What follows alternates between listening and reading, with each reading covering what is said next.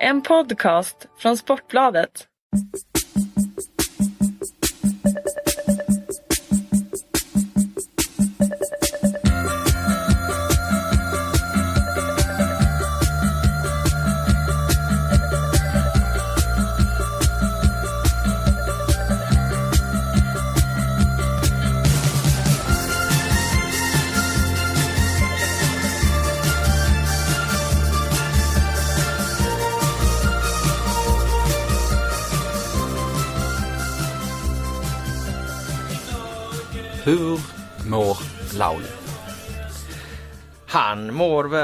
Som man brukar göra när man kommer tillbaka efter en väldigt eh, lång semester. Eh, jag brukar säga det att ju, ju liksom mer vilsen och, och konstig man känner sig när man kliver in på sin arbetsplats igen. Ju, ju bättre semester man haft för då är det ett tecken på att du verkligen har klivit ur våran fotbollsbubbla och det känner jag att jag har gjort för att det första jag vill göra när jag kom upp på den här redaktionen det var att, att kliva tillbaka till min semester igen. Jag, jag, känner mig som en främmande fågel. Jag förstår inte hur jag riktigt ska liksom kunna ta mig in i mitt yrkesliv igen. Jag, jag, jag tycker det känns svårt.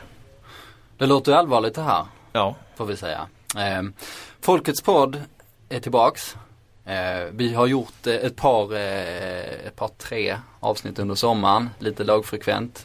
Dina inhopp, eller dina ersättare har skött sig ganska bra. Men detta avsnittet eh, förstod jag nu precis innan vi gick in att det kommer bli ett slags eh, terapeutiskt samtal. För eh, ja, du är lite vilsen som sagt. Ja det måste ju bli det. Eh, jag känner att det, det här kan vara en slags väg tillbaka. Eh, genom att få höra dig prata om eh, Allsvenskan, eh, vad som har hänt eh, under de här två månaderna som jag egentligen har varit helt eh, bortkopplad. Så att eh, det är inte bara lyssnarna som har stora förväntningar på Oskar Månsson idag utan eh, det har även eh, din sidekick Robert Laul. Ja, det låter ju betryggande. Men du har ju du har en viss rutin å andra sidan. Du, du skulle ju faktiskt kunna hitta tillbaks liksom. Eh, folk har haft semester för. Ja, för jag förstår att du och många andra tror det men eh, som sagt eh, den tyngd som jag kände på axlarna när jag klev in på den här redaktionen att, att ta sig tillbaka eh, till den nivån man en gång låg på det kommer inte bli lätt. Nej. Eh, jag säger på det att det verkar ju som du menar allvar här men jag måste ändå googla ska vi se. Laul slutar Punkt. Resumé 18 juni 2012. Eh, Robert Laul slutar. Gillar inte nätjournalistiken. Eh, ja, efter EM 2012 var det här alltså då och du hade bestämt dig för att eh, då var det också nog.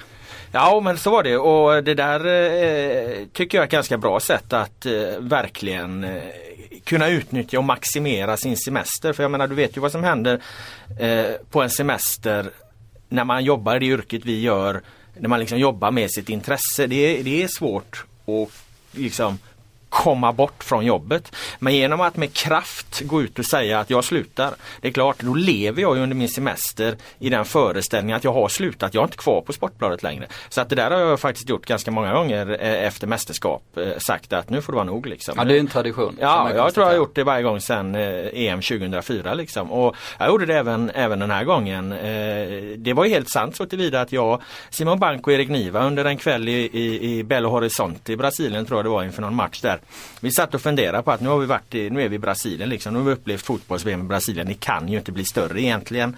Om man ska dra det till sin spets så kan man lika gärna dö efter en sån grej. Det finns ju ingenting mer att uträtta eh, på, på en journalistisk marknad kan jag känna än, än att få, få jobba och uppleva ett, ett fotbolls-VM i just Brasilien. Så då sa vi då vad fan ska vi göra då och, och vi tyckte att våra samlade erfarenheter borde ha eh, gett oss bra förutsättningar att starta en detektivbyrå. så att eh, det blev ju en artikel av det i, i Resumé sen och sen kunde jag då kliva, kliva, kliva på min semester med, med, med känslan att, att det här är över liksom. Jag, jag, jag, jag är klar, jag har slutat liksom. Nu, nu, nu när semestern är slut då börjar vi planera för den kommande detektivbyrån. Här är jag lite nyfiken att säga att det blev en artikel i, i, i branschpressen liksom. Hur går det till egentligen?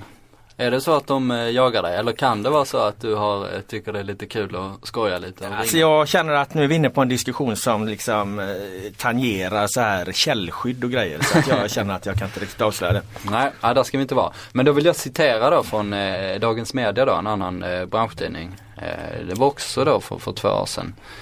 Ehm, jag kommer inte göra fler mästerskap, jag ska söka en annan inriktning i livet. Det är dags för att släppa fram de yngre krafterna, säger Robert Laul. Eh, lite senare så skriver eh, eh, Dagens Media då, Robert Lauls framtidsplaner inkluderar en flytt till Norrland. Jag ska flytta upp till mina systrar i Blattnicksele och jaga björn. Sedan om det innebär eh, tjänstledighet eller, eller att man måste säga upp sig, det vet jag inte. Men en björn ska ner på marken. Den saken är klar, säger Robert Laul. ja, det var ju slagkraftigt formulerat, det får jag ge mig själv. Nej men vi är väl inne på det då. Eh, har du gått ut med den inställningen då kan du ha en ganska eh, skön semester. Jag åkte upp till Blattnicksele men, men jag bommade björnjaktsäsongen. Jag tror att det var de två första veckorna i, i augusti så man fick inte, inte skjuta några björnar då. Så det blev inte någon björn eh, den gången. Mm. Eh, men eh, det gav mig en, en lugn och skön semester. Jag behöver inte tänka på jobbet och så vidare. Det är faktiskt en metod jag rekommenderar alla som, som känner sig ut, utbrända och trötta på livet. Men det är ju svårt att komma tillbaka och det känner man när man kliver tillbaka in på sin arbetsplats igen. Mm. Mina invändningar här tycker jag är ganska rimliga då med tanke på att det är en tradition. Men, men du menar att det är på allvar den här gången då? Vad?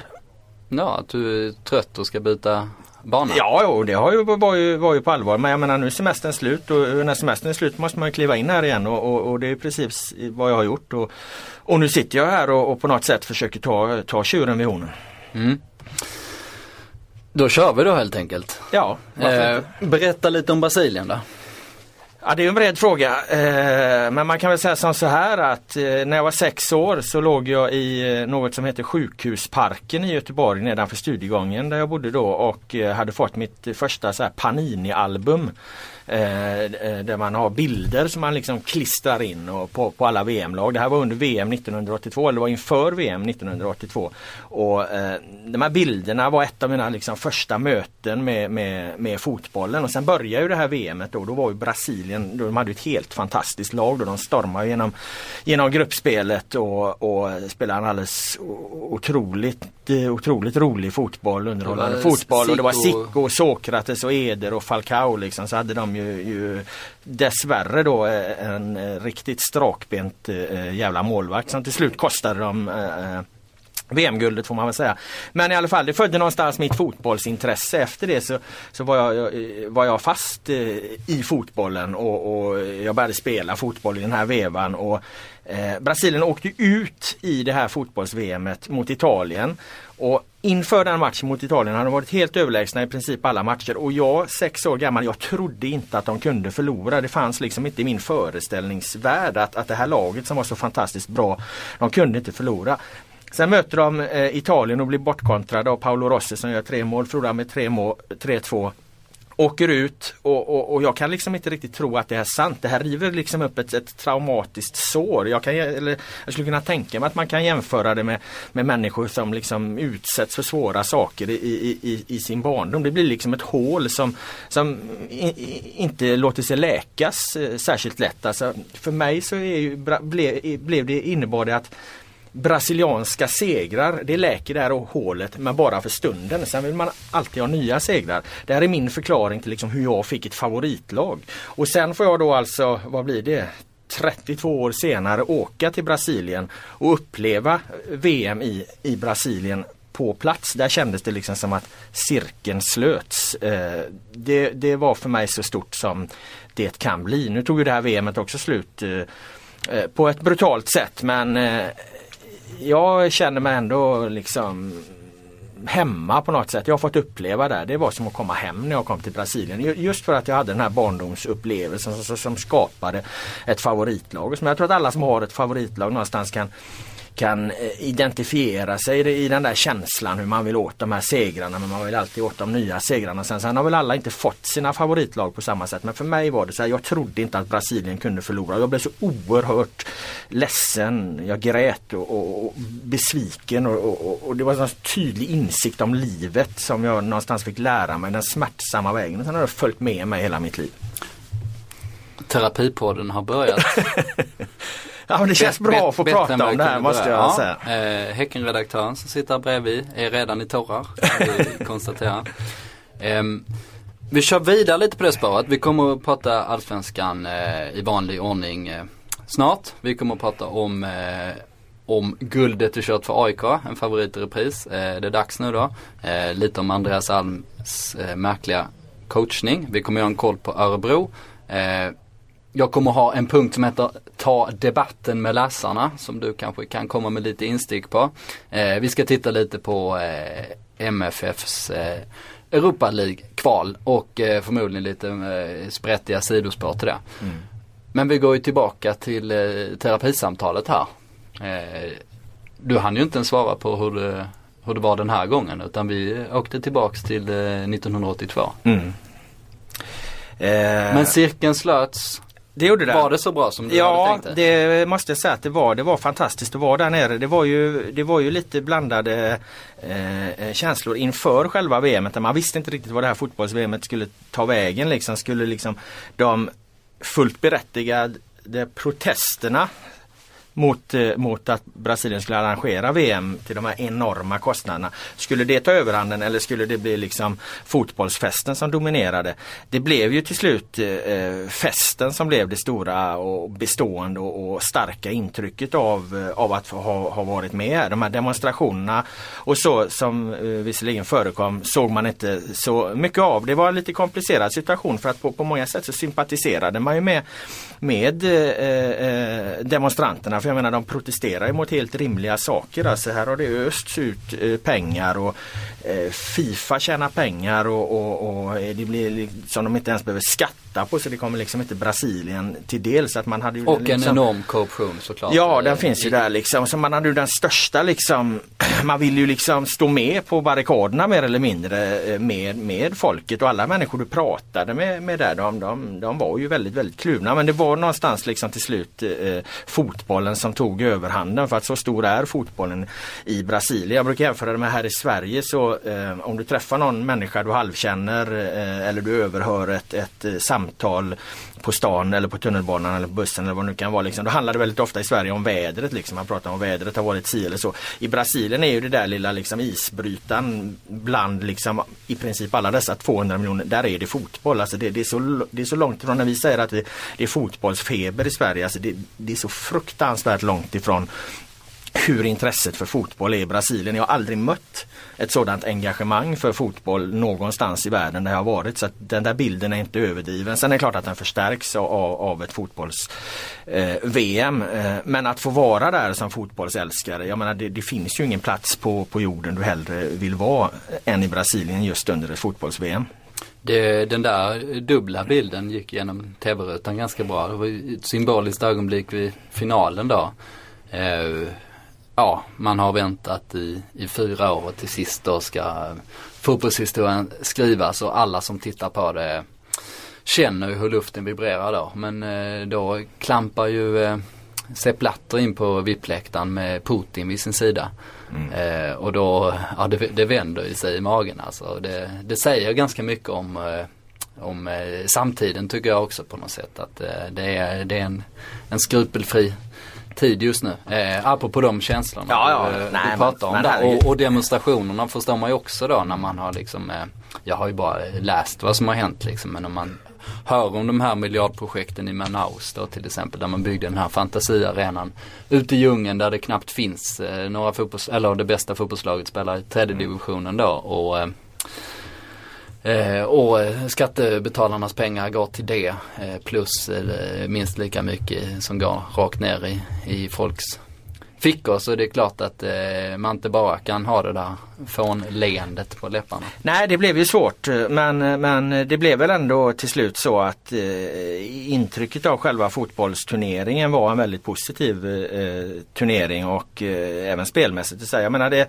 det känns väl lite som att det var det sista riktiga fotbolls-VM. även om de här sakerna som vi nu, nu, nu tar upp eh, med all rätta pågick runt omkring. Men jag menar nu står vi inför ett VM i, i Ryssland och sen står vi då eventuellt inför ett VM i Qatar om de inte hinner, hinner ändra på det. Men eh, jag tror någonstans att för fotbollen var det extremt viktigt att själva turneringen blev så lyckad som den ändå blev. För att annars hade man stått inför de här två, två äh, mardrömsturneringarna då. Och, och jag menar landslagsfotbollen är ju redan liksom under kraftig konkurrens av all, alla eh, eh, klubblag liksom där, där ju ekonomin spelar en, en långt mycket större roll. Alltså, ekonomin kring den europeiska klubblagsfotbollen den har ju mer eller mindre fått mig att tappa intresset för er, europeisk klubblagsfotboll för det är så himla mycket Det handlar så väldigt väldigt väldigt mycket om pengar liksom. Jag har svårt att, att, att, att eh, älska den fotbollen. Jag tycker fortfarande liksom att landslagsfotbollen står ändå för något annat. Mm. Eh, ja, jag håller med en hel del. Mina starkaste eh, minnen liksom rent journalistiskt då från VM. Jag var ju här på redaktionen och eh, skrev väl eh, ungefär som alla andra skrev. Liksom man är ju, ja, informationen är ganska begränsad till, till presskonferenser och enstaka enstaka intervjuer och sådär. Men eh, Costa Rica var ju en eh, saga verkligen. Eh, en klassisk eh, idrottssaga. Eh, tänk att de nästan slog ut eh, Holland där också. Eh, och gått till semifinal. Eh, ja det var väl den, eh, det var väl den stora positiva överraskningen i i VM måste man ju säga, Costa Rica. Alltså och det är ett land med fem miljoner invånare som, som gör det här. Och det till och med eller, Nej, det, är, det bor tre och en halv miljoner i, i, i, Uruguay och det bor fem miljoner i, i Costa Rica och de här Eh, länderna presterar ändå så pass bra på, på högsta nivå. Det kan man ju liksom ställa mot när vi i Sverige klagar på att vi, vi är ett litet land och så vidare. Det handlar ju rätt mycket om vad du gör också. Så är det. Eh, och då fick jag i alla fall tag på Celso Borges efter de här eh, ja, de två matcherna de vann. Dels där mot Grekland. När de vann på nej, först när de tog sig vidare från gruppen var det då helt enkelt. Eh, de, de vann ju dödens grupp och sen tog de vidare, eh, sig vidare från åttondelsfinalen mot Grekland då. Jättedrama med utvisningar och straffavgörande och Borges satte sin straff då. Eh, men jag fick ju tag på honom efter matcherna och det säger rätt mycket om honom då som mm. person att han, han eh, det, liksom måste ju bara regnat in sms eh, Eh, till honom eh, och sen så, eh, så när jag skickar ett sms så svarar, så svarar han ändå och, och har tid och, och dessutom prata då och berätta om det här liksom. Han, han, allting snurrar ju bara för honom så han kunde ju liksom knappt Även om man är väldigt skicklig på att formulera sig så fick han ju knappt ihop det själv där liksom. Eh, när han skulle berätta hur galet det var då. Men att han tog sig den tiden sa ganska mycket då. Eh, det är klart att jag känner honom ganska väl då liksom efter att ha följt laget. Eh, eh, ja, sen han kom dit då noggrant. Men framförallt var det ju för att han har ju känslor för Sverige och han tycker det är kul att det skrivs om honom i Sverige liksom. Och han, han ville skicka ut sina hälsningar den vägen och så vidare. Eh, det var stort. Då fick, då fick jag också vara en del av eh, det där stora plötsligt. Då. Det var ju lite roligt för att när det började gå bra där för, för eh, Costa Rica så gjorde jag en skämt-tweet. Jag skrev eh, något i stil med att, jag var ju nere i Brasilien där då, skrev något i stil med att eh, jag hade frågat Neymar på en presskonferens om Costa Rica och, och Neymar hade svarat att Costa Rica, ja men det är ju, det är ju där eh, den här fantastiska AIK-aren Celso Borges spelar. Och det där spreds vidare ganska mycket på, på sociala medier. Det var rätt många liksom aik som tyckte att det där, det där var lite småkul. En del kanske inte ens fattade att det var ett skämt. Det vet man aldrig. Men eh, sen i alla fall så Neymar gjorde inte så mycket press men sen eh, eh ganska långt senare inför kvartsfinalerna då Costa Rica ju fortfarande var kvar i VM. Då kom Neymar och gjorde en, en, en presskonferens på träningsanläggningen. Och, och då, då, då, nu jävlar nu kör vi liksom. Så att då förberedde jag ju frågan liksom. Vad, vad, vad, då tänkte jag väl formulera den i något i stil med liksom att ja men vad säger du om, om eh, Costa Ricas eh, framgångar och, och framförallt då kanske Celso Borges. Något i den stilen formulerade det. För han var nämligen tvungen att visa sina frågor för eh, en, en presssnubbe där i, i, i, som ledde presskonferenserna. Och när jag visade upp den här frågan då sa han bara nej det där, det där tycker jag inte du ska, det är inte så intressant för alla andra journalister. Och så här. Men vi får se, jag kanske släpper igenom det och så vidare. Så jag satt, satt ju där och viftade då liksom. Och bland alla andra som också viftade och ville ställa frågor till Neymar. Men jag fick fan aldrig ställa den frågan. Men det hade varit kul om jag hade fått igenom den för då hade det här första skämt-tweeten då, då hade den verkligen blivit på allvar sen. Men jag blev aldrig genomsläppt. Det var ganska hård kontroll på vilka som fick eh, ställa frågor. När jag hade ställt eh, frågor på typ tre presskonferenser i rad liksom, då kom någon eh, av pressgubbarna fram till mig och sa att de tyckte jag ställde lite för mycket frågor. Så att, det var inte helt lätt och, och, och för dem, oss svenska medierepresentanter att komma inom bruset där. Nej, det kan jag förstå. Sen hade de en presschef också som man fick passa sig för. Eh, Rodrigo Paiva som han hette. Han sänkte ju en chilenare i, i pausen där mellan, mellan Brasilien och Chile. Ja, ja, först blev han ju då liksom avstängd för han hade klappat det honom och sen så fick han ju eh, lämna då efter VM. Jag tror i och för sig att han skulle ha lämnat i alla fall för att vad som sades då var att han kommer nu framöver vara Neymars personliga presschef. Han kommer liksom jobba enbart med att vara presschef för, för Neymar i olika sammanhang. Inte bara Neymar i landslaget utan Eh, när han är i Barcelona och så vidare. Eh, så att eh, jag tror att han skulle ha lämnat den ändå men frågan är om han hade nog inte heller fått vara kvar för att det där var inte så jävla snyggt liksom att presschefen började veva. Det som var det roliga var att han, han, han, han, om jag förstod det hela här rätt så får ju han alltså rött kort av domaren och blir då alltså, han får ju alltså en avstängning från den här matchen. Men vad är i så fall en presschef avstängd från när det handlar om fotboll? Liksom? Jag menar, han fick ju fortfarande vara på presskonferenserna och så här. Men han får inte, ja han är avstängd från matchen helt enkelt. Men vad gör en presschef under, under matchen? Han, det är ju inte så att han, han är ute på plan direkt. Va? Han coachar ju inte. Och, eh, det var väldigt märklig, märklig avstängning helt enkelt. Att, att som presschef, eh, det är ungefär som en journalist blir avstängd från, från inneplan. Liksom. Men där, får du ändå, där har du ändå inget att göra han borde blivit avstängd från presskonferensen. Ja det kan man tycka för det är ju hans Från alla intervjuer. Det, det ja. skulle vara liksom så total anarki i eh, två dagar. Det hade ju varit ett eh, rimligt svar. Ja. Alla frågor får ställas, alla får komma in. Eh, ja, ja han bara var, köra. Liksom. Han var väldigt speciell också. Han rörde sig så här långsamt som en maffiaboss och så, så gick han runt och talade med lite utvalda journalister då och då. Liksom. Han hade ju full koll på liksom vilka han skulle, vilka han behövde smörja och vilka han kunde skita i liksom. Och så såg han lite, lite gangsteraktig ut. Så, här, så att, ja, det där var en riktig lirare. Jag har blivit avstängd från innerplan en gång faktiskt. -huh. eh, när, eh, på en januariturné. Eh, som du också var på då i, eh, i Muscat i Oman 2010. Eh, då var det efter en träning då så hade svenskarna tränat klart. Eh, och då stod vi journalister vid sidan om och jag skulle prata med tror jag skulle prata med Viktor Noring eh, som eh, då var i ropet. Han var ju jäkligt eh, lovande trodde man då. Han dansade en vår. Eh, precis, en januariturné i vart fall. Ja men han dansade lite där innan. Eh, men då skulle jag prata med honom. Hade styrt upp med Lasse Richt, eh, landslagschefen som styr med, styr med järnhand. Och då kom ju Noring och några andra och sen så liksom ja, stretchar de väl eller, eller sådär. Och då gick jag en meter in på gräset, alltså in på planen. Träningen var ju verkligen slut. Och då kom ju Richt eh, nästan springande och liksom veva med hela armen sa du får inte gå där. Så då fick jag långsamt gå liksom en meter tillbaks och så fick jag ställa mig precis bakom linjen Eh, och, sen, och sen fick jag vänta då, sen kom Noring efter 30 sekunder. Sen kunde vi prata. Det låter som att Lasse Richt har blivit slarvig. På min tid så hade han alltid sån här polistejp som man tejpade upp liksom. Så att då var det ju tydligt avgränsat i alla fall. Va? Då kunde man ju inte gärna, om man inte hade med sig en bra sax, klippa sig förbi de här avspärrningarna. Men eh, han verkar ha slarvat med det. Nej det, det hade jag väl aldrig. Men, ja, du hade lite för dålig sax. Ja det är möjligt. Jag måste bara göra en återkoppling där till eh, Lasse Richt och, och som du säger där. Eh, när man befinner sig på, på ett VM så är det väldigt lite, eller väldigt få saker hemifrån som man tar del av liksom. Det, du, där lever du verkligen, jag lever, följer Brasilien i, i, en månads tid. Och då är du i den bubblan liksom, du koncentrerar dig på det liksom. Och sen är det vissa saker som går eh, genom bruset då eh, från, från Sverige.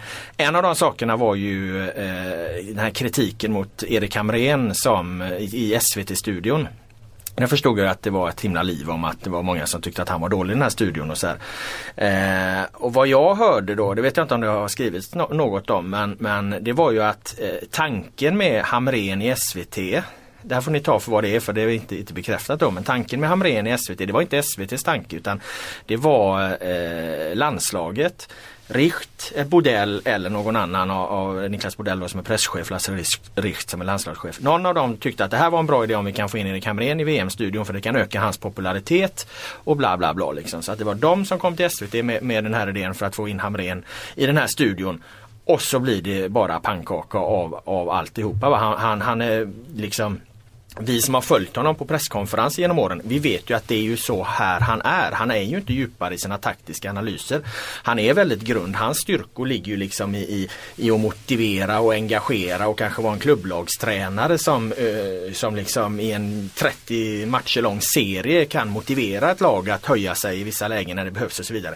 Men han är ju inget analytiker han är inte analytisk kunnig. Han kan ju inte mer om fotbollstaktik än vad vi kan. Liksom. Alltså det, så är det ju och, och, då gör man sig inte särskilt bra efter matcher i en tv-studio där man ju ska kunna vara som kanske Hasse Backe eller så här, som verkligen blixtsnabbt kan analysera. Den här matchen slutade så här därför att. Liksom. Där är ju inte Erik Hamrén, det är inte hans styrkor.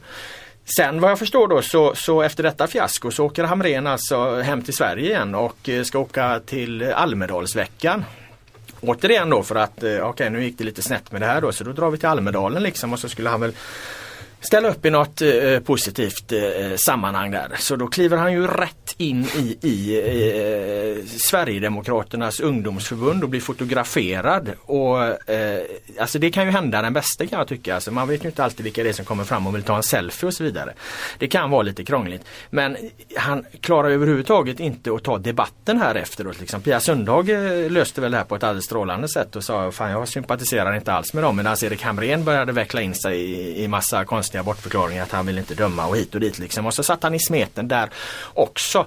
Så jag tänkte bara alltså, ta semester Erik liksom. Alltså, var, var, dra dig undan ett tag nu. Och, och nu har jag ju till råga på allt då fått Zlatan Ibrahimovic skadad här nu så att jag menar Hamrén kan ju vara borta här. Det kan ju vara över för honom. Alltså han, eh, hans aktier eh, står inte högt nu. Zlatan borta i, i ett EM-kval, ett, ett dålig start på det liksom. Då, då är Hamrén kvar till, till vintern. Han borde ju gjort som dig där helt enkelt. Ja han borde klivit ur och, och, och, och åkt på spa på Marstrand eller något sånt. Precis. Ja. det borde han gjort, apropå det. Nej, men jag är orolig och Erik Hamréns vägnar alltså, eh, Det kan väl i och för sig ses som positivt att vi får en ny förbundskapten. Frågan är bara vem det ska vara. Um, jag skrev, eh, eller skickade ut bara en fråga på Twitter nu innan vi gick in i studion vad folk ville att vi skulle prata om. Eh, god respons eh, får man säga. Mm. Då var det eh, någon som eh, ja det var ju Philip O'Connor, eh, den eh, mycket trevliga Våran irländske vän. Vår irländske vän som skriver för Reuters eh, framförallt. Han bor här i Stockholm mm. har bott i, här i Sverige. Han var nere i Brasilien också. Ett tag till och var där. Han, ja precis, han var med i, i Brasilien. Han var en av de lyckliga, den skaran som jag inte kvalade in till. Men han eh, föreslog då att vi skulle prata om eh, lyxspa på västkusten. Varpå heter någon Sankt Jörgen. Nej nej fan Sankt Jörgen det är ju det gamla mentalsjukhuset i Göteborg som, som, bygg, by, som i och för sig har byggts om till spa och, och apropå Ja men då var det ju det. Häckenredaktören här, eh, det är ju där eh, Häcken ja, kör sin rehab mer eller mindre. Ja, okay, då, ja, men, då men det var inte där jag äh, låg. Nej okej, okay, okay, men det är åtminstone inte ett mentalsjukhus. Nej inte längre men det, det var det en gång i tiden. Men de hade något slags Twitterkonto som bara skrev bra idé, skrev de. Så de, de hoppade på, de kände att de kunde ja. få mycket mycket positiv exponering i Folkets podd. Ja, men jag vill vända mig mot den här beskrivningen av detta som ett eh, lyxspa. Alltså för en ensamstående singelman som jag är att hyra en stuga på västkusten eller på någon annan jävla kust någonstans i en vecka. Det kostar ju dig 5000 spänn. Eh, och så ska du då köpa frukost och käk och grejer. Om jag bor på, om jag som är själv då bor på ett hotell så, så blir det samma pris fast jag får frukost och, och, och middag och, och, och, lägga ut en, en 6-7 tusen eh, på en, en, en veckas semester. Det, det tycker inte jag kan eh, betecknas som lyx. Däremot skulle bli extremt ut för en barnfamilj att bo på ett, ett spa på Marstrand i en vecka för att då är det massa fler du ska betala för. Men är du singel så, så tjänar du i princip på att bo på hotell. Mm. Som din eh, personliga eh, terapeut här då så mm. känner jag att eh, har gjort ett ganska gott jobb. Nu är du med i matchen igen. Ja, jag känner mig lite piggare måste jag säga. Ska vi snacka eh, lite, lite svensk fotboll kanske? Ja, det tycker jag.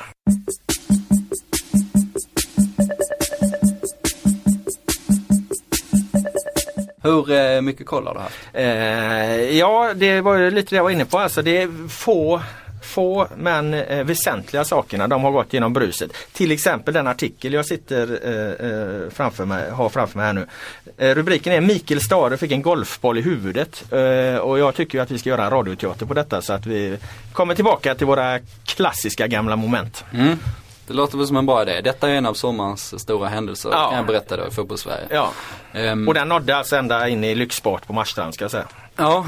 du ser. Den eh, fick sitt genomslag. Och den här radioteatern då. Eh, jag har ju varit liksom eh, imitatör eller någonting. Men jag fick ganska mycket kritik för att, att, att jag liksom överskattar min förmåga där. Mm. I de, Berättigad kritik. eh, ja du ser, till och med du hakar på. Du har inte vågat säga innan. Men i de här mellanpoddarna fick jag, det var till och med så Erik Löfgren eh, eh, som var med tyckte att jag koketterade. Ja. Eh, vilket då att jag har tagit till mig den här kritiken. Eh, mitt självförtroende har sjunkit väldigt mycket. Så när du föreslog att jag skulle vara Micke Stare så, eh, så kändes det inte alls bra. Nej, men du gav mig eh, en, ett viktigt inspel där apropå hur man skulle kunna imitera Mikael Stare. Ja du sätter inte heller honom. Nej. Men, Ja, du har ju en minnesbild från hans upptaktsträff 2012. ja. um, jag vet inte om han var nervös då eller någonting. Det var i alla fall eh, när han var ny i Göteborg. Det var upptaktsträff eh, sån här då när klubbarna möter media. Och eh, någon intervjuar eh, tränarna på scen. Då pratar Micke Stav väldigt dovt och tillbakadraget. Och, det, och eh, jag satt och lajvade den här eh, upptaktsträffen då och chattade med läsarna och sånt. Och då var det någon som sa att Micke Stara pratar ju precis som Batman gör. Alltså Batman i de här Batman Begins-filmerna Dark. Knight och Dark Knight ja, och, Christopher Nolans mästerliga trilogi. mm, och där hakar ju folk på. Alla var ju överens om att det gjorde han ju fortfarande. Mm. Fortsatt liksom. Så vi kör väl på det helt enkelt. Jag är reporter här. Eh, oklart vilket för det är två olika reportrar i, i Expressen som har skrivit det. Men jag är i alla fall Micke Stare då med, med, utan några som helst ambitioner att imitera eh, hans röst på annat sätt än att få det att, låta lite som när Batman eh, pratar. Mm, vi kör. Eh, jag börjar med att läsa artikeln då för den är ganska kort. Hällevik. Daniel Olsson at Kaggen på Twitter låg bakom skopet som snabbt retweetades av bland annat Mjällbys supporterklubb Sillastriparna. Micke Stara har en tung eftermiddag. Först oss mot Maif på Strandvallen och sen en golfboll i nyllet när IFK ska käka, käka på golfkrogen efteråt. Gette ringde förstås genast upp IFK Göteborgs tränare. Några minuter senare ringde han tillbaks. Hej Micke Stara, Eh, det står på Twitter att du har fått en golfboll i huvudet. Ja, jag har fått en golfboll i huvudet. Vad vill du veta? Ja men var det ett utslag eller, eller en studsande boll eller, eller var det någon som eh, kastade golfbollen? Ingen aning. Jag skiter väl i vad det var för slag. Jag fick en golfboll i huvudet helt enkelt. Men gör det ont? Ja, vad fan tror du själv när det kommer en golfboll flygande i 300 km i timmen rakt i ansiktet? Det är inte så att jag jublar direkt. eh, behöver du läkarvård? Inte vad jag vet nu i alla fall. Och där var, Där var ju artikeln då över va. Men den avslutas ju med ett litet tillägg här att IFK Göteborgs säkerhetschef Mikael Salenius får uttala sig. Och han konstaterar det var, det var en olyckshändelse. Ett snett utslag helt enkelt. Där är man ju lite nyfiken på hur säkerhetschef Salenius eh, kan göra den här bedömningen. Hur fan vet han att det var ett snett utslag? ja han har ju uppenbarligen gjort sin läxa här. Eh, vi får ju credda Expressen för en, eh, för en trevlig artikel. Men man saknar ju lite det journalistiska djupet här. Alltså, vem var det som slog bollen? Ja. Absolut. Eh, Men det, det som är så roligt med den här artikeln det är ju att den, den, de ringer upp honom när de inte riktigt vet. Det är det som gör att de här frågorna här är, blir, blir ganska roligt. Det står på Twitter att du har fått en golfboll i huvudet. Ja, jag har fått en golfboll i huvudet. Vad fan, vad fan vill du veta? Ja. Nej, jag tycker den är bra. Kan man- Världen radioteater om inte annat. Ja. Är guldet kört för AIK? Eh, ja du, bra fråga. Vad fan ligger de i tabellen? Nej, Så mycket kollar jag på Allsvenskan. Mm. Jag ska sätta mig in i det. Men de eh, fick stryk mot eh, Örebro här nu eh, nyligen har jag snappat upp. Det var väl typ i, Igår. igår va? Det är all, alldeles korrekt information Ja, ja för fan för att jag satt ju i bilen och lyssnade på radion. Låg under med 3-0 efter 20 minuter. Hur fan gick det till? Ja, eh, det var mycket, mycket märkligt. Eh, Malmö spelade ju dagen innan då, spelade nollen mot Gävle. Eh, Malmö hade två stolpträffar på slutet bland annat. Men, men det blev bara en poäng då. Så AIK hade ju ett läge att knappa in till fyra poäng avstånd plus att de då har ett eh, inbördes eh, hemmamöte att luta sig mot. Och det är ju ett avstånd som eh, inte är så avskräckande. Eh, då, bland annat med tanke på att Malmö ska ut i Europa och köra eh, Eh, ja, sex matcher blir det ju eh, under tiden allsvenskan pågår då om jag har räknat rätt. Eh, antingen Europa League eller, eller Champions League. Men i den här matchen AIK börjar ju väldigt Eh, väldigt bra faktiskt, hade full kontroll. Eh, spelade inte särskilt snabbt men spelade metodiskt och, och kom till avslut i stort sett eh, i varje anfall. Eh, inga sådana här kanonlägen kanske med många halvchanser direkt. Eh, samtidigt så skickar bara Örebro upp bollen och bara pangade in 100% i avslut. Tre riktigt eh, riktiga kanonmål. Ja, för- jag förstod det på raden att det var någon, någon halvvolley ribba in där och, och som målvakten inte kan göra mycket på. Nej, eh, och det blev ju lite den här diskussionen alltså eh, Eh, vad kan man försvara sig mot så att säga? Alltså vissa mål släpper man bara in. Eh, det är klart att AIK kunde gjort bättre. Framförallt tyckte jag att de, att de tappade centralt mittfält och, och Örebro kunde ganska enkelt sticka in bollen bakom där. Eh, men det första Ja. målet då som, som Crespo skjuter in stolpe in är ganska svårt att försvara sig mot. Och sen går Marcus Pode då, den gamla MFF-aren, in och gör två fantastiska mål. Först eh, mottagning på ett eh, volleyskott, ribba in, därefter en, en riktig bomb upp i krysset där från 25 meter. Men jag tänker bara att eh, när det är så här bra avslut har de fått mycket tid på sig att avsluta. Har AIKs backlinje varit på tårna? Har de legat tillräckligt tätt och så vidare? Det här utan att ha sett något av målen. Mm. Nej, de, eh, det, det hade ju säkert gått att förhindra dem liksom eh, och framförallt som sagt tror jag att det berodde då på defensiva innermittfältet. De, de hade kunnat täppa till eh, lite bättre. Men Podes match där är intressant. Vi gav ju honom 5 plus i tidningen. Eh, men det kändes så när man eh, går in och gör den typen av mål och sen drar baksida lår efter en halvtimme och får linka ut några minuter senare. Då, man kan inte kräva så mycket mer känns det. Nej det är sant. Eh, Man kan kräva att han ska ha en eh, bättre muskulatur möjligen men eh, det kanske är väl hårt. Ja, ja, det skulle man ju kanske kunna gjort i och för sig. Det var i alla fall så att vi kunde göra eh, knäcket så här, fem plus hjälten. Det, det, det är lite gammal kvällstidningsjournalistik. Ja, gammal hederliga, hederlig kvällstidningsjournalistik Ja. ändå. Men det var en värd eh, och eh, det uppskattade de ju såklart i Malmö. Han, han du- sa dessutom till min kollega Tobias Wolf, eller vår kollega som håller till i Örebro då. Eh, det var jag och han som var på den matchen. Ja. Och det var han som pratade med Pode. Jag snackade inte med honom eh, mer än, ja, kort kort pratade med honom. Men han sa ju att han hade fått presenter från Malmös, eh, från Malmöhållet Innan matchen. innan matchen och eh, ville inte specificera vilken typ av presenter det var. Eh, Hur fan vi- kan det ha varit då? Jaha, det kan man ju fråga sig. Mycket, mycket märkligt det, det hela. Det kanske bara var någon skämtpresent från någon kompis som man var lite pinsam. Wolf ställde aldrig den följdfrågan eller? Nej men han gjorde tydligen det men ja. Pudde ville inte specificera. Eh, nej men Örebro det är ju intressant då 4-2 vann de med, eller? De eh, Och då- vann med 4-2. Och spelade inte de mot Malmö innan där också och ledde med 2-0 och tappade till eh, 3-2 va? Men Precis. de har ändå gjort då sex mål på eh, Allsvenskans eh, bästa lag två senaste matcherna om jag räknar rätt och hänger med rätt här. Ja, Det är ändå rätt eh, starkt får man ju nu, säga. nu börjar du eh, komma igång här känner jag. Ja, men det måste, det säger, måste ju säga något om eh, Örebro som väl har bytt tränare också. Ja, eh, P.O. Jung lämnar ju dem. Ja. Eh, dels för att han Som var väldigt defensivt inriktad och nu kommer då kommer Alexander Axén in som ju kanske är en mer offensivt lagd tränare. Ja, eh, men de har ändrat lite spelet också för P.O. Jung ville ändå eh, spela kanske ett lite mer eh, passningsspel när man väl anföll medan eh, Axén spelar ett, ett enkelt klassiskt 4-4-2. Eh, ett lite mer brittiskt spel då, om, om man ska förenkla det. Och det verkar ju passa bra. I den här Malmö-matchen då så gjorde Al Hassan Kamara, han som sköt in 1-0, då, han gjorde ju två mål på 19 minuter då på, på Swedbank stadion och Malmö vände efter mycket om och men. De, de reducerar först till 60 minuten och sen till sist så, så nickar Rosenberg in det här eh, 3-2 målet på slutet. Så Örebro kan ju verkligen då ha, eh, eh, ha spelat roll i guldstriden kan man konstatera den här veckan. Du frågade om eh, AIK om vi skulle räkna bort dem och ditt själva anslag på den här eh, punkten. Eh, vi gillar ju att eh, titta tillbaka på våra e- egna gamla krönikor och, och smickra oss själva i, i den här podden. Så att, eh, det kan vi väl göra. Jag minns att jag skrev en krönika eh, efter tre, fyra omgångar tror jag.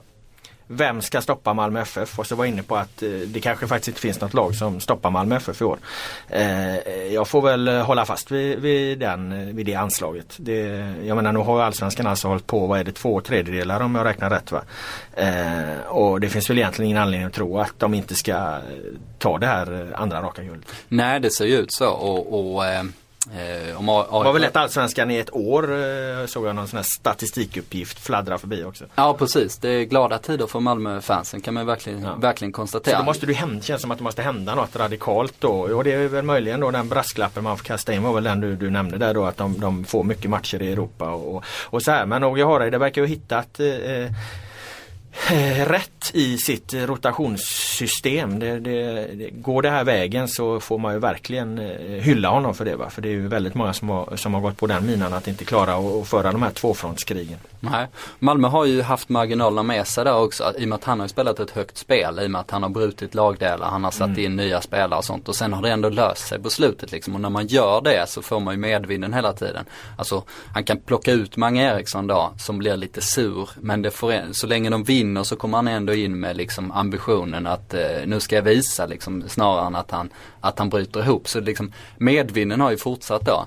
Eh, och om vi har AIK 7 poäng efter Sen har vi Häcken och Elfsborg som kan, om de vinner nu sina eh, matcher, eh, vara åtta poäng efter. Det är ganska långt då. Eh, och Häcken har ju tappat såklart då. Strandberg eh, försvinner väl. Det är ju en liten eh, soppa där. Han har ju han har inte dykt upp på träningarna och de har inte velat ha honom där. Han är på väg till Dortmund och Mustafa El Den är Kabir ju har väldigt försvunnit. skum för övrigt med Carlos Strandberg där. Jag läste att han hade sagt att eh, det föll på en eh, liten detalj i läkarundersökningen. Att det inte blev något med Dortmund då. Mm. Och det får man väl ha respekt för att man inte vill gå ut och berätta vad, vad, vad den här detaljen eh, handlar om. För det har han ju inte sagt än eh, vad, vad den handlar om. va? Nej det har han inte. Jag, det är fortfarande att det är en liten de- detalj i, i läkarundersökningen och så vidare. Jag som var på semester hörde ju det här ryktet två veckor innan den här bekräftelsen kom att det skulle ha fallit på eh, en detalj i, i läkarundersökningen. Det där hände långt, långt tidigare. Bara att det kommunicerades två veckor senare. Alltså, jag vet inte om den där detaljen eh, vad det egentligen kan vara. Jag är nyfiken på vad det kan vara men när det handlar liksom om kroppen och skador och, och, eller kanske annat då, då får man väl då får man väl ha respekt för att han inte vill säga det. Men som sagt, det där, det där skedde för länge sedan. Han fick det där nejet för länge sedan och sen är det något annat konstigt spel som har pågått. Ja, det är en märklig historia. Mycket märkligt. Det är något man blir sugen på att försöka gräva lite i efterhand kanske. Absolut. Ehm, så Häcken har tackat, eh, tapp, tappat där såklart. Eh, Elfsborg eh, är ju fortfarande lite upp och ner som vi pratat om även om de eh, spelar bra fotboll många gånger. Men man kan ju lyfta fram en krönika där man varit snett på det också. Eh, vi kanske ska göra det någon gång också. Ja, om du verkligen måste så. Ja, eh, för jag tyckte det är en ganska intressant eh, debatt i vart fall. För att i, eh, i eh, januari Ja. så var jag i Spanien. Jag var på så här La Manga-läger, följde AIK. Eh, de värvade Tete Bangura då. Det blev klart, han landade ju på Arlanda under pompa och ståt och vi hade till och med tv-team där när han presenterades. Och i den här vevan då, precis när det var så skrev jag en snabb eh, krönika då. Eh, där jag skrev att, att, eh, att AIK har den eh, bästa truppen, inte en åsikt längre, det är ett konstaterande. Eh, skrev jag. Spetsa till det, lite för mycket kanske jag kan känna, eller kände redan då.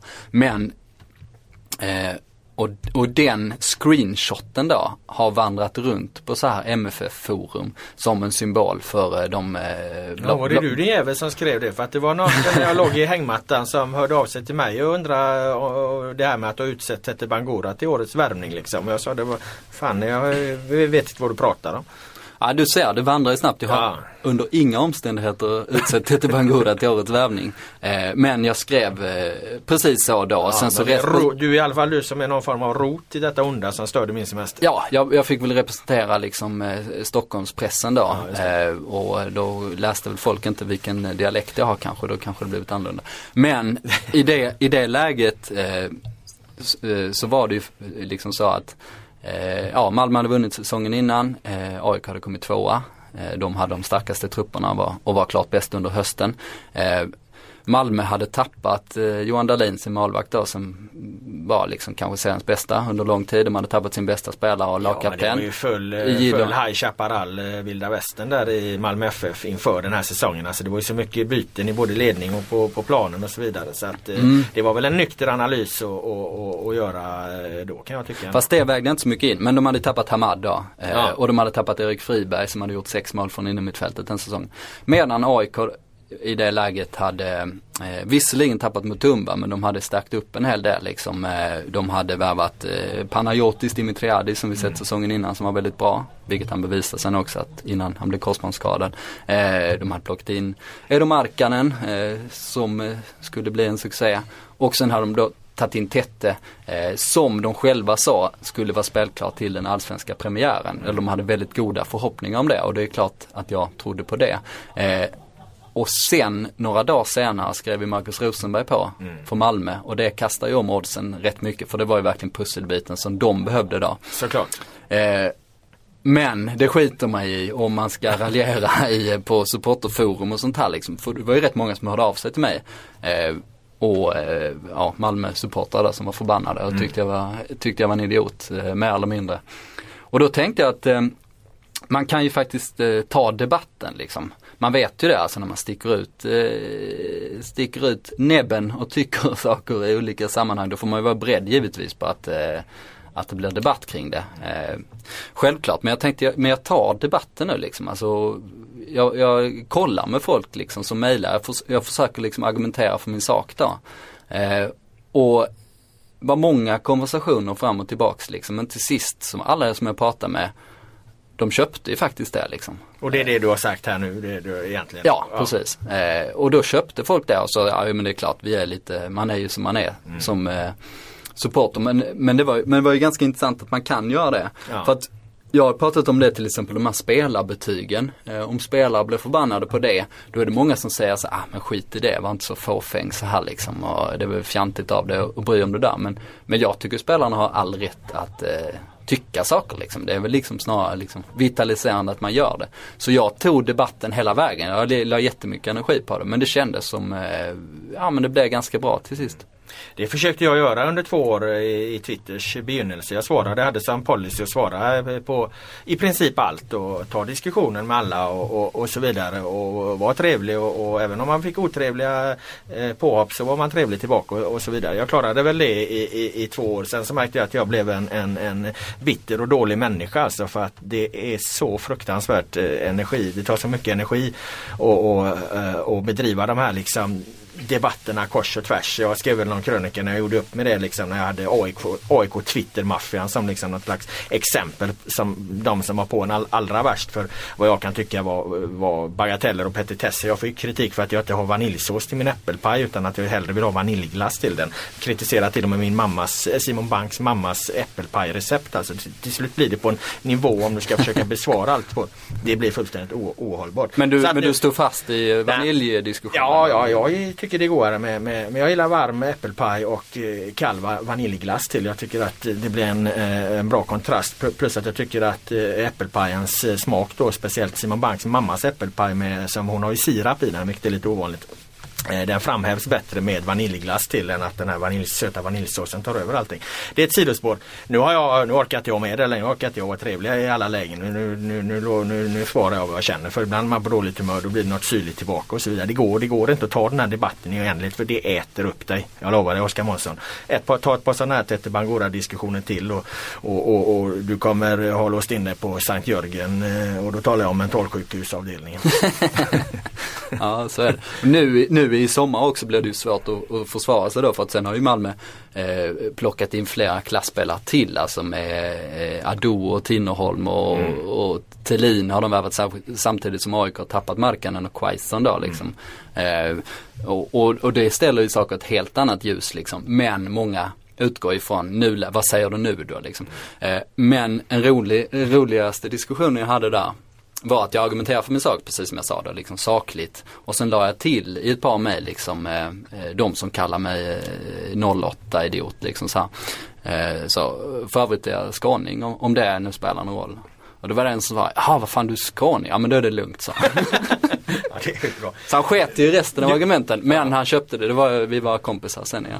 Men, men supportrar kan göra de mest eh, märkliga saker. Jag menar, eh, jag var, var ju nere i Göteborg här nu så då hänger man en, en del med, med både eh, morsan och farsan. Och farsan är ju en stor eh, Blåvitt-supporter. Det har väl, eh, har väl inte eh, gått någon, någon förbi liksom. Och han, eh, ja, han är irriterad på Stara har ju varit länge. Han sa ju från dag ett där, skicka hem stockholmaren. Va? Det brukar vi skoja om ibland. Men han, han, apropå det här med Skåne då, han tycker ju inte att en stockholmare kan vara tränare för, för ett Göteborgslag. Va? Det där är en ben och där viker inte en tum. Det är möjligen ett nytt Uefa Cup-guld så skulle han kunna, kunna, kunna köpa staden. Men skicka hem Stockholm tycker han. När eh, Blåvitt förlorade mot eh, AIK hemma med 2-0 var det va?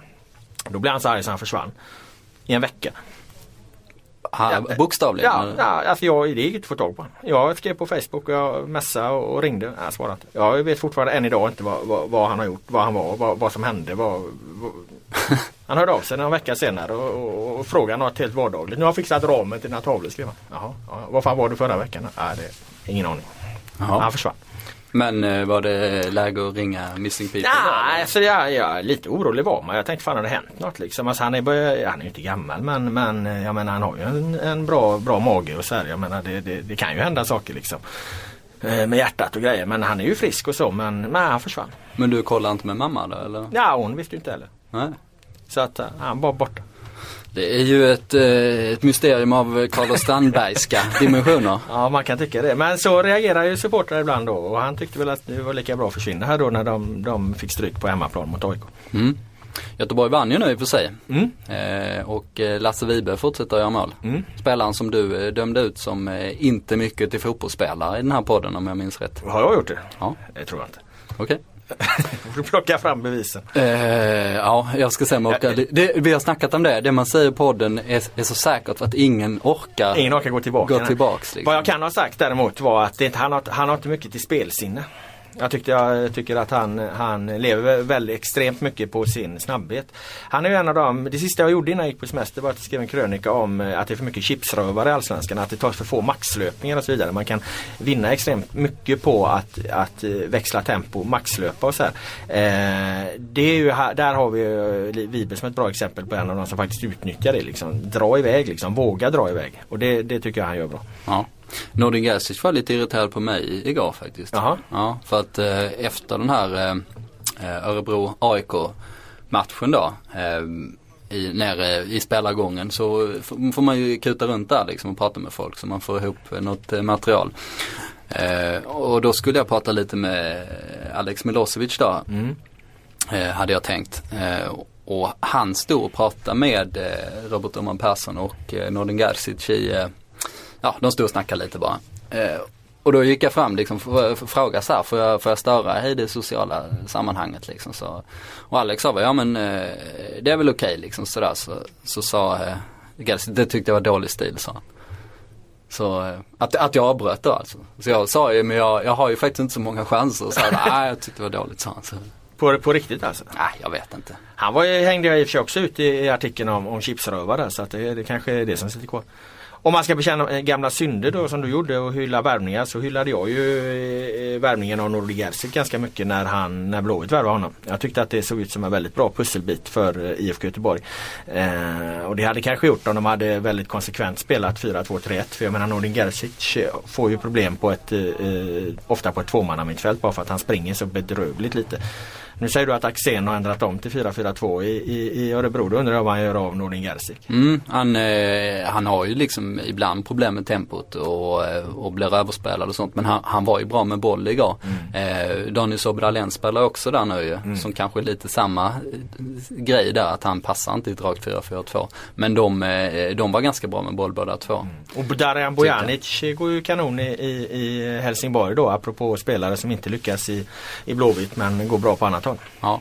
Helsingborg har väl ryckt upp sig för övrigt. Ja. Jag tycker jag, jag mig liksom har registrerat någonstans här i bakgrunden. Det har kommit in en sista grej på Gerzic där Ja. eh, som man ska nämna att eh, den stora problematiken för honom eh, var ju förstås det vid sidan om planen. Han har Mm. ju gått ut och berättat om att han har ett spelmissbruk, allvarligt sådant som har pågått länge då. Som Vem?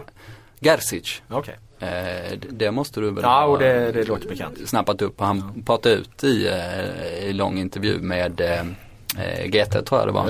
Eh, där han berättade om han haft då, och att det, den problematiken då har eskalerat Mm. under tiden i Göteborg. Att han inte haft, att han har ljugit för allt och alla sina närmsta. Det var ju väldigt starkt av Ja, honom ja. att- gå ut och berätta om det. Och apropå terapeutiska samtal så var det väl hans terapi att, att verkligen vara öppen med det och så och eh, därför kan ju han säkert eh, lyfta sig Ja, flera nivåer om förstås, man haft sådana eh, problem. man Dessutom får han ju Alexander Axén som tränar igen och Alex, Alexander Axén var ju han som liksom såg någonting i Gerzic när han var tränare i Rynninge i division 2 typ där. Eh, innan han tog sig vidare till, eh, till Örebro och fick, fick fart på karriären. Så, så de två borde ju vara en bra match. Ja, nej men det får man ju förstås ha respekt för att man har varit nere i ett sånt eh, spelmissbrukshelvete där. Så det är klart att det är ju inget man unnar någon och det, det, det, måste ju ta väldigt mycket energi från, från det han egentligen ska göra då, det vill säga spela fotboll. Mm. Så är det. Jag tror att eh, Örebro har eh, goda chanser att eh, klara sig kvar. De har, eh, de har ganska mycket kvalitet. Även om de obegripligt nog eh, gjorde sig av med Spetnim Hassani som gick till, till Polen här eh, för ett tag sedan. Och han eh, har ju gått från klarhet till klarhet tycker jag. Men, eh, men honom eh, Enligt vad jag har hört då, eh, ja det får ni ta vad för vad det är, men att han får vara för dyr helt enkelt då. Att man bara prioriterar att, att släppa honom då och slippa betala hans, hans lön. Helsingborg viftar undan snabbt där. eh, Ja det var inte meningen. Nej men det, det, det, det, blir ju en, en då se- semesterfirare, en före detta semesterfirare. Lite nyfiken på, på eh, hur de plötsligt eh, kan ha börjat lyfta sig så mycket. Har du någon eh, vidare analys av det eller har du, har du följt dem för dåligt det senaste? Jag har väl, eh, nej jag har följt dem för dåligt för att ha den eh, fullödande analysen klar. Men jag har ju sett en del eh, på TV. Eh, I en av de här, i en av eller i ett av poddavsnitten där du var borta så, så, så eh, iklädde jag mig din roll och lanserade hårda åsikter och då tyckte jag bland annat att man skulle sparka Roa. Det ja, kändes det som har att han hade varit fått inne på tidigare i podden också att det är, är den här eh, gubben så mycket att ha då va? Nej, eh, och jag tycker väl att det är läge, jag har svårt att se att han ska kunna vända det här. Eh, nu har de i och för sig Fastän de har vänt. Ja, men på längre sikt. Ja. Eh, Helsingborg borde ju ha högre ambitioner. Nu är väl kanske vändningen då, alltså det det handlar om är ju mer eller mindre att klara sig kvar. Det finns ju inte så mycket annat att, att slåss för i nuläget. Eh, P.O. Jung argumenterar jag för att de skulle, Ja, ta tillbaka ja. skrev eh, till och med, en, ja det var inte, var inte i det sammanhanget men jag skrev en, en liten hyllningskrönika till P.O. Jung efter att Geis, hans första match där, hade slagit Hammarby på bortaplan. Eh, och det var inte en, eh, en liknande serenad som, som du skrev och sen reciterade för eh, P.O. under den allsvenska upptaktsträffen i den här eh, podden. Vilket fick P.O. Jung fråga om du har du krökat eller? Men, men det var en hyllning i alla fall för han är ju en skicklig eh, försvarstränare om inte annat.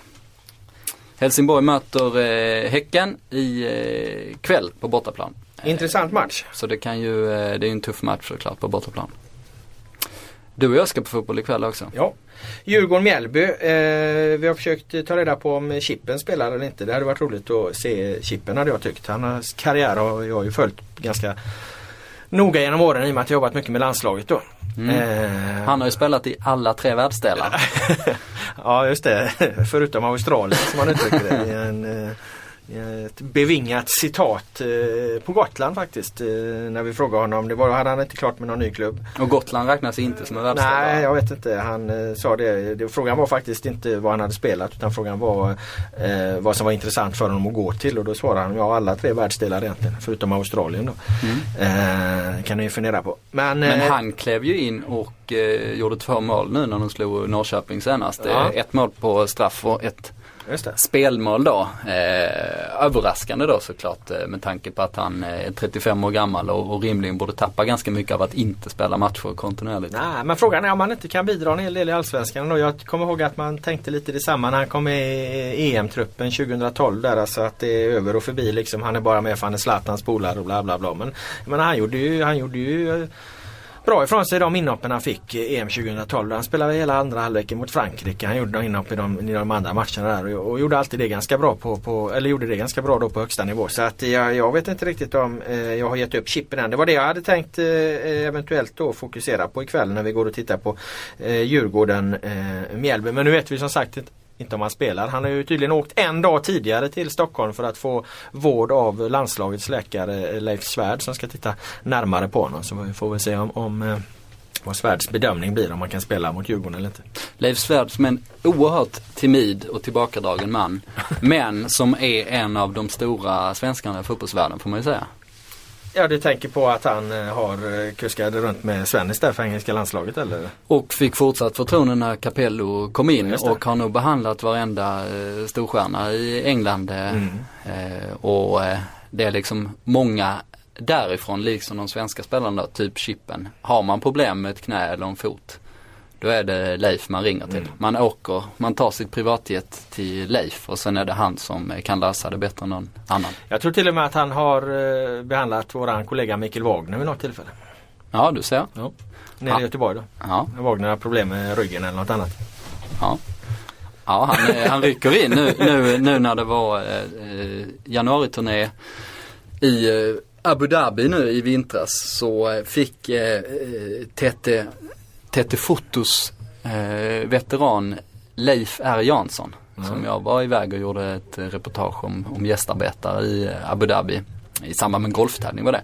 Men Leif hade, han, hans fingrar svullnade upp eh, väldigt mycket, extremt mycket då. Och så han blev ju orolig där på kvällen. Eh, när vi, vi skulle egentligen bara varva ner efter en lång arbetsdag när vi eh, åkt runt i, i, i, eh, ja, i I någon öken i någon öken var ju bokstavligen vad vi gjorde för vi, var, vi åkte hem till några gästarbetare från Nepal. Eh, strunt samma, vi skulle eh, koppla av med en öl på hotellbaren men då svullnade hans fingrar upp så mycket så han blev orolig då så, så jag fick slå en signal eller messade till eh, Niklas Bodell då presschefen och frågade är Leif uppe liksom kan han komma och kolla? Så, eh, så då bestämde de att eh, Leif, Leif kommer tidigt imorgon bitti till eh, eh, Leif kommer till Leifs hotell tidigt imorgon bitti, kollar av det. Vilket han gjorde också. Så Ja. eh, han eh, rycker. vad, vad, vad, varför hade fingrarna svullnat upp där? Ja det var eh, någon slags eh, infektion tror jag och det räckte nog med typ eh, något smärtstillande och sånt. Det behövdes ingen spruta eller något sånt. Så, så det löste sig men, men Leif rycker ut i vart fall.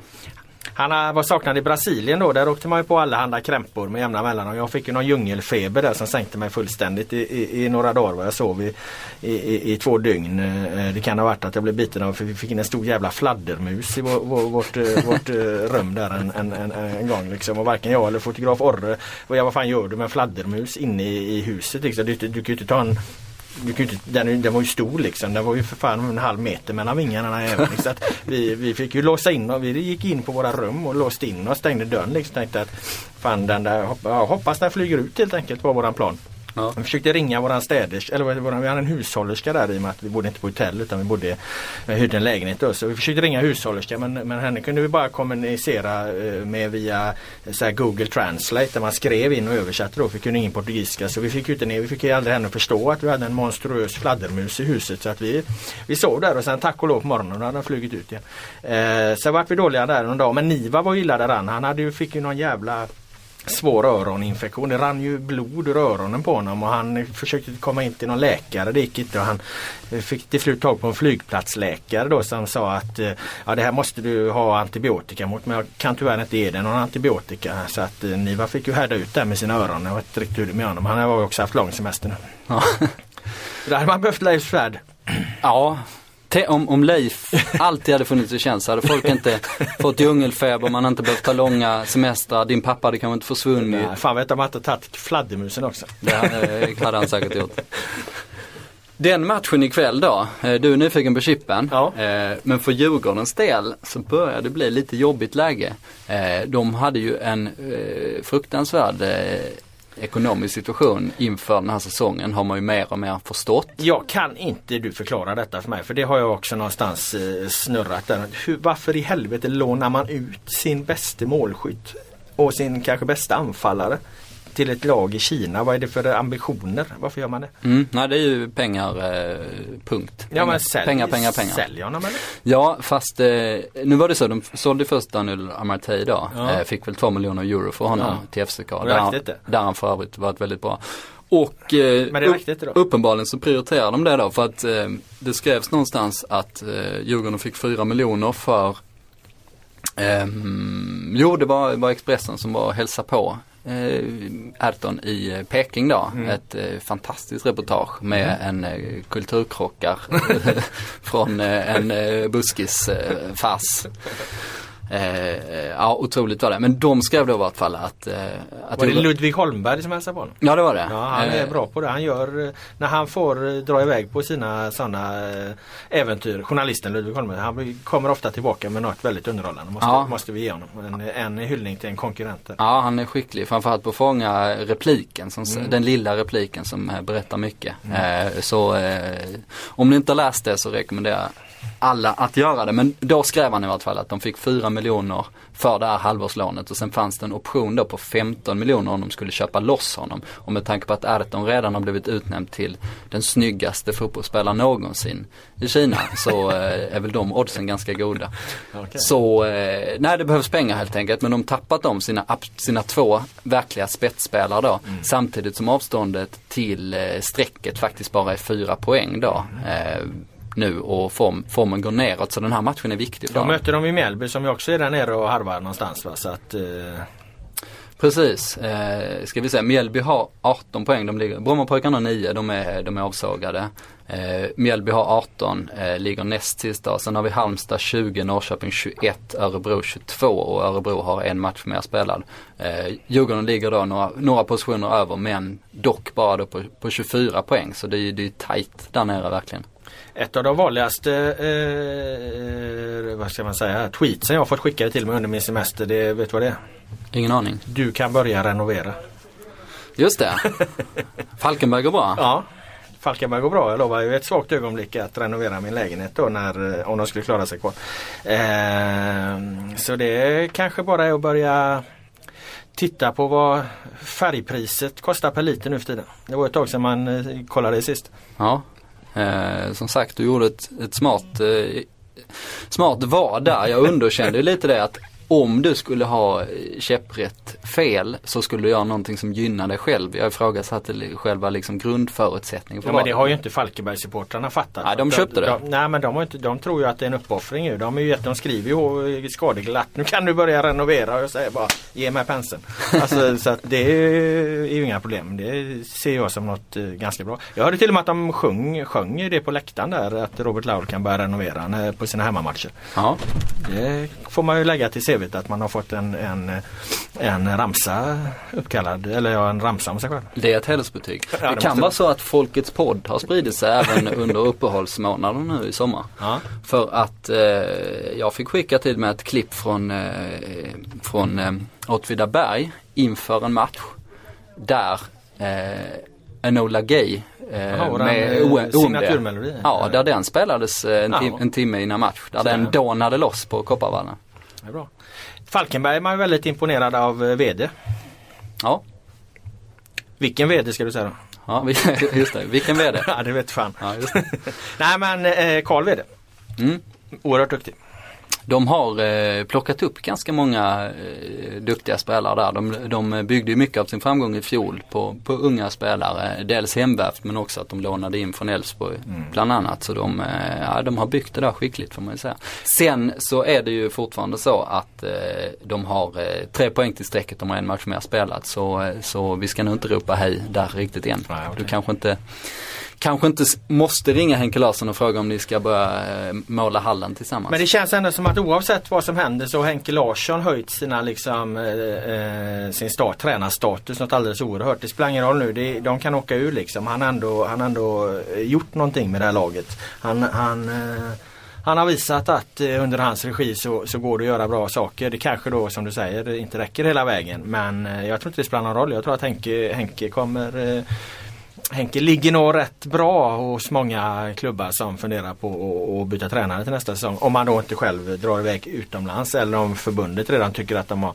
sett något så intressant hos honom så de gör sig av med Hamrén en gång för alla och, och tar in Larsson där i en förbundskaptensroll. Jag tror att han, att han att han är på väg att, att lyckas med sin tränarkarriär faktiskt. Redan på, på basis av vad han har gjort eh, eh, på de här 20 matcherna i Allsvenskan. Ja, verkligen. Det har varit en eh, förändring. Där förbundskapten vet i Nej det kanske var lite för tidigt. Men, eh, men i alla fall. Jag menar vad ett tränarbyte i IFK Göteborg eh, som ju många ser där, vill, vill se där då. Vad, skulle väl vara en intressant utmaning för Henke kanske och, och, och få ta över eh, en storklubb. Tillsammans med, med, varför inte tillsammans med, med Niklas Alexandersson som gör ett bra jobb på, på Änglagården. Vad skulle pappa säga om de tar in en skåning?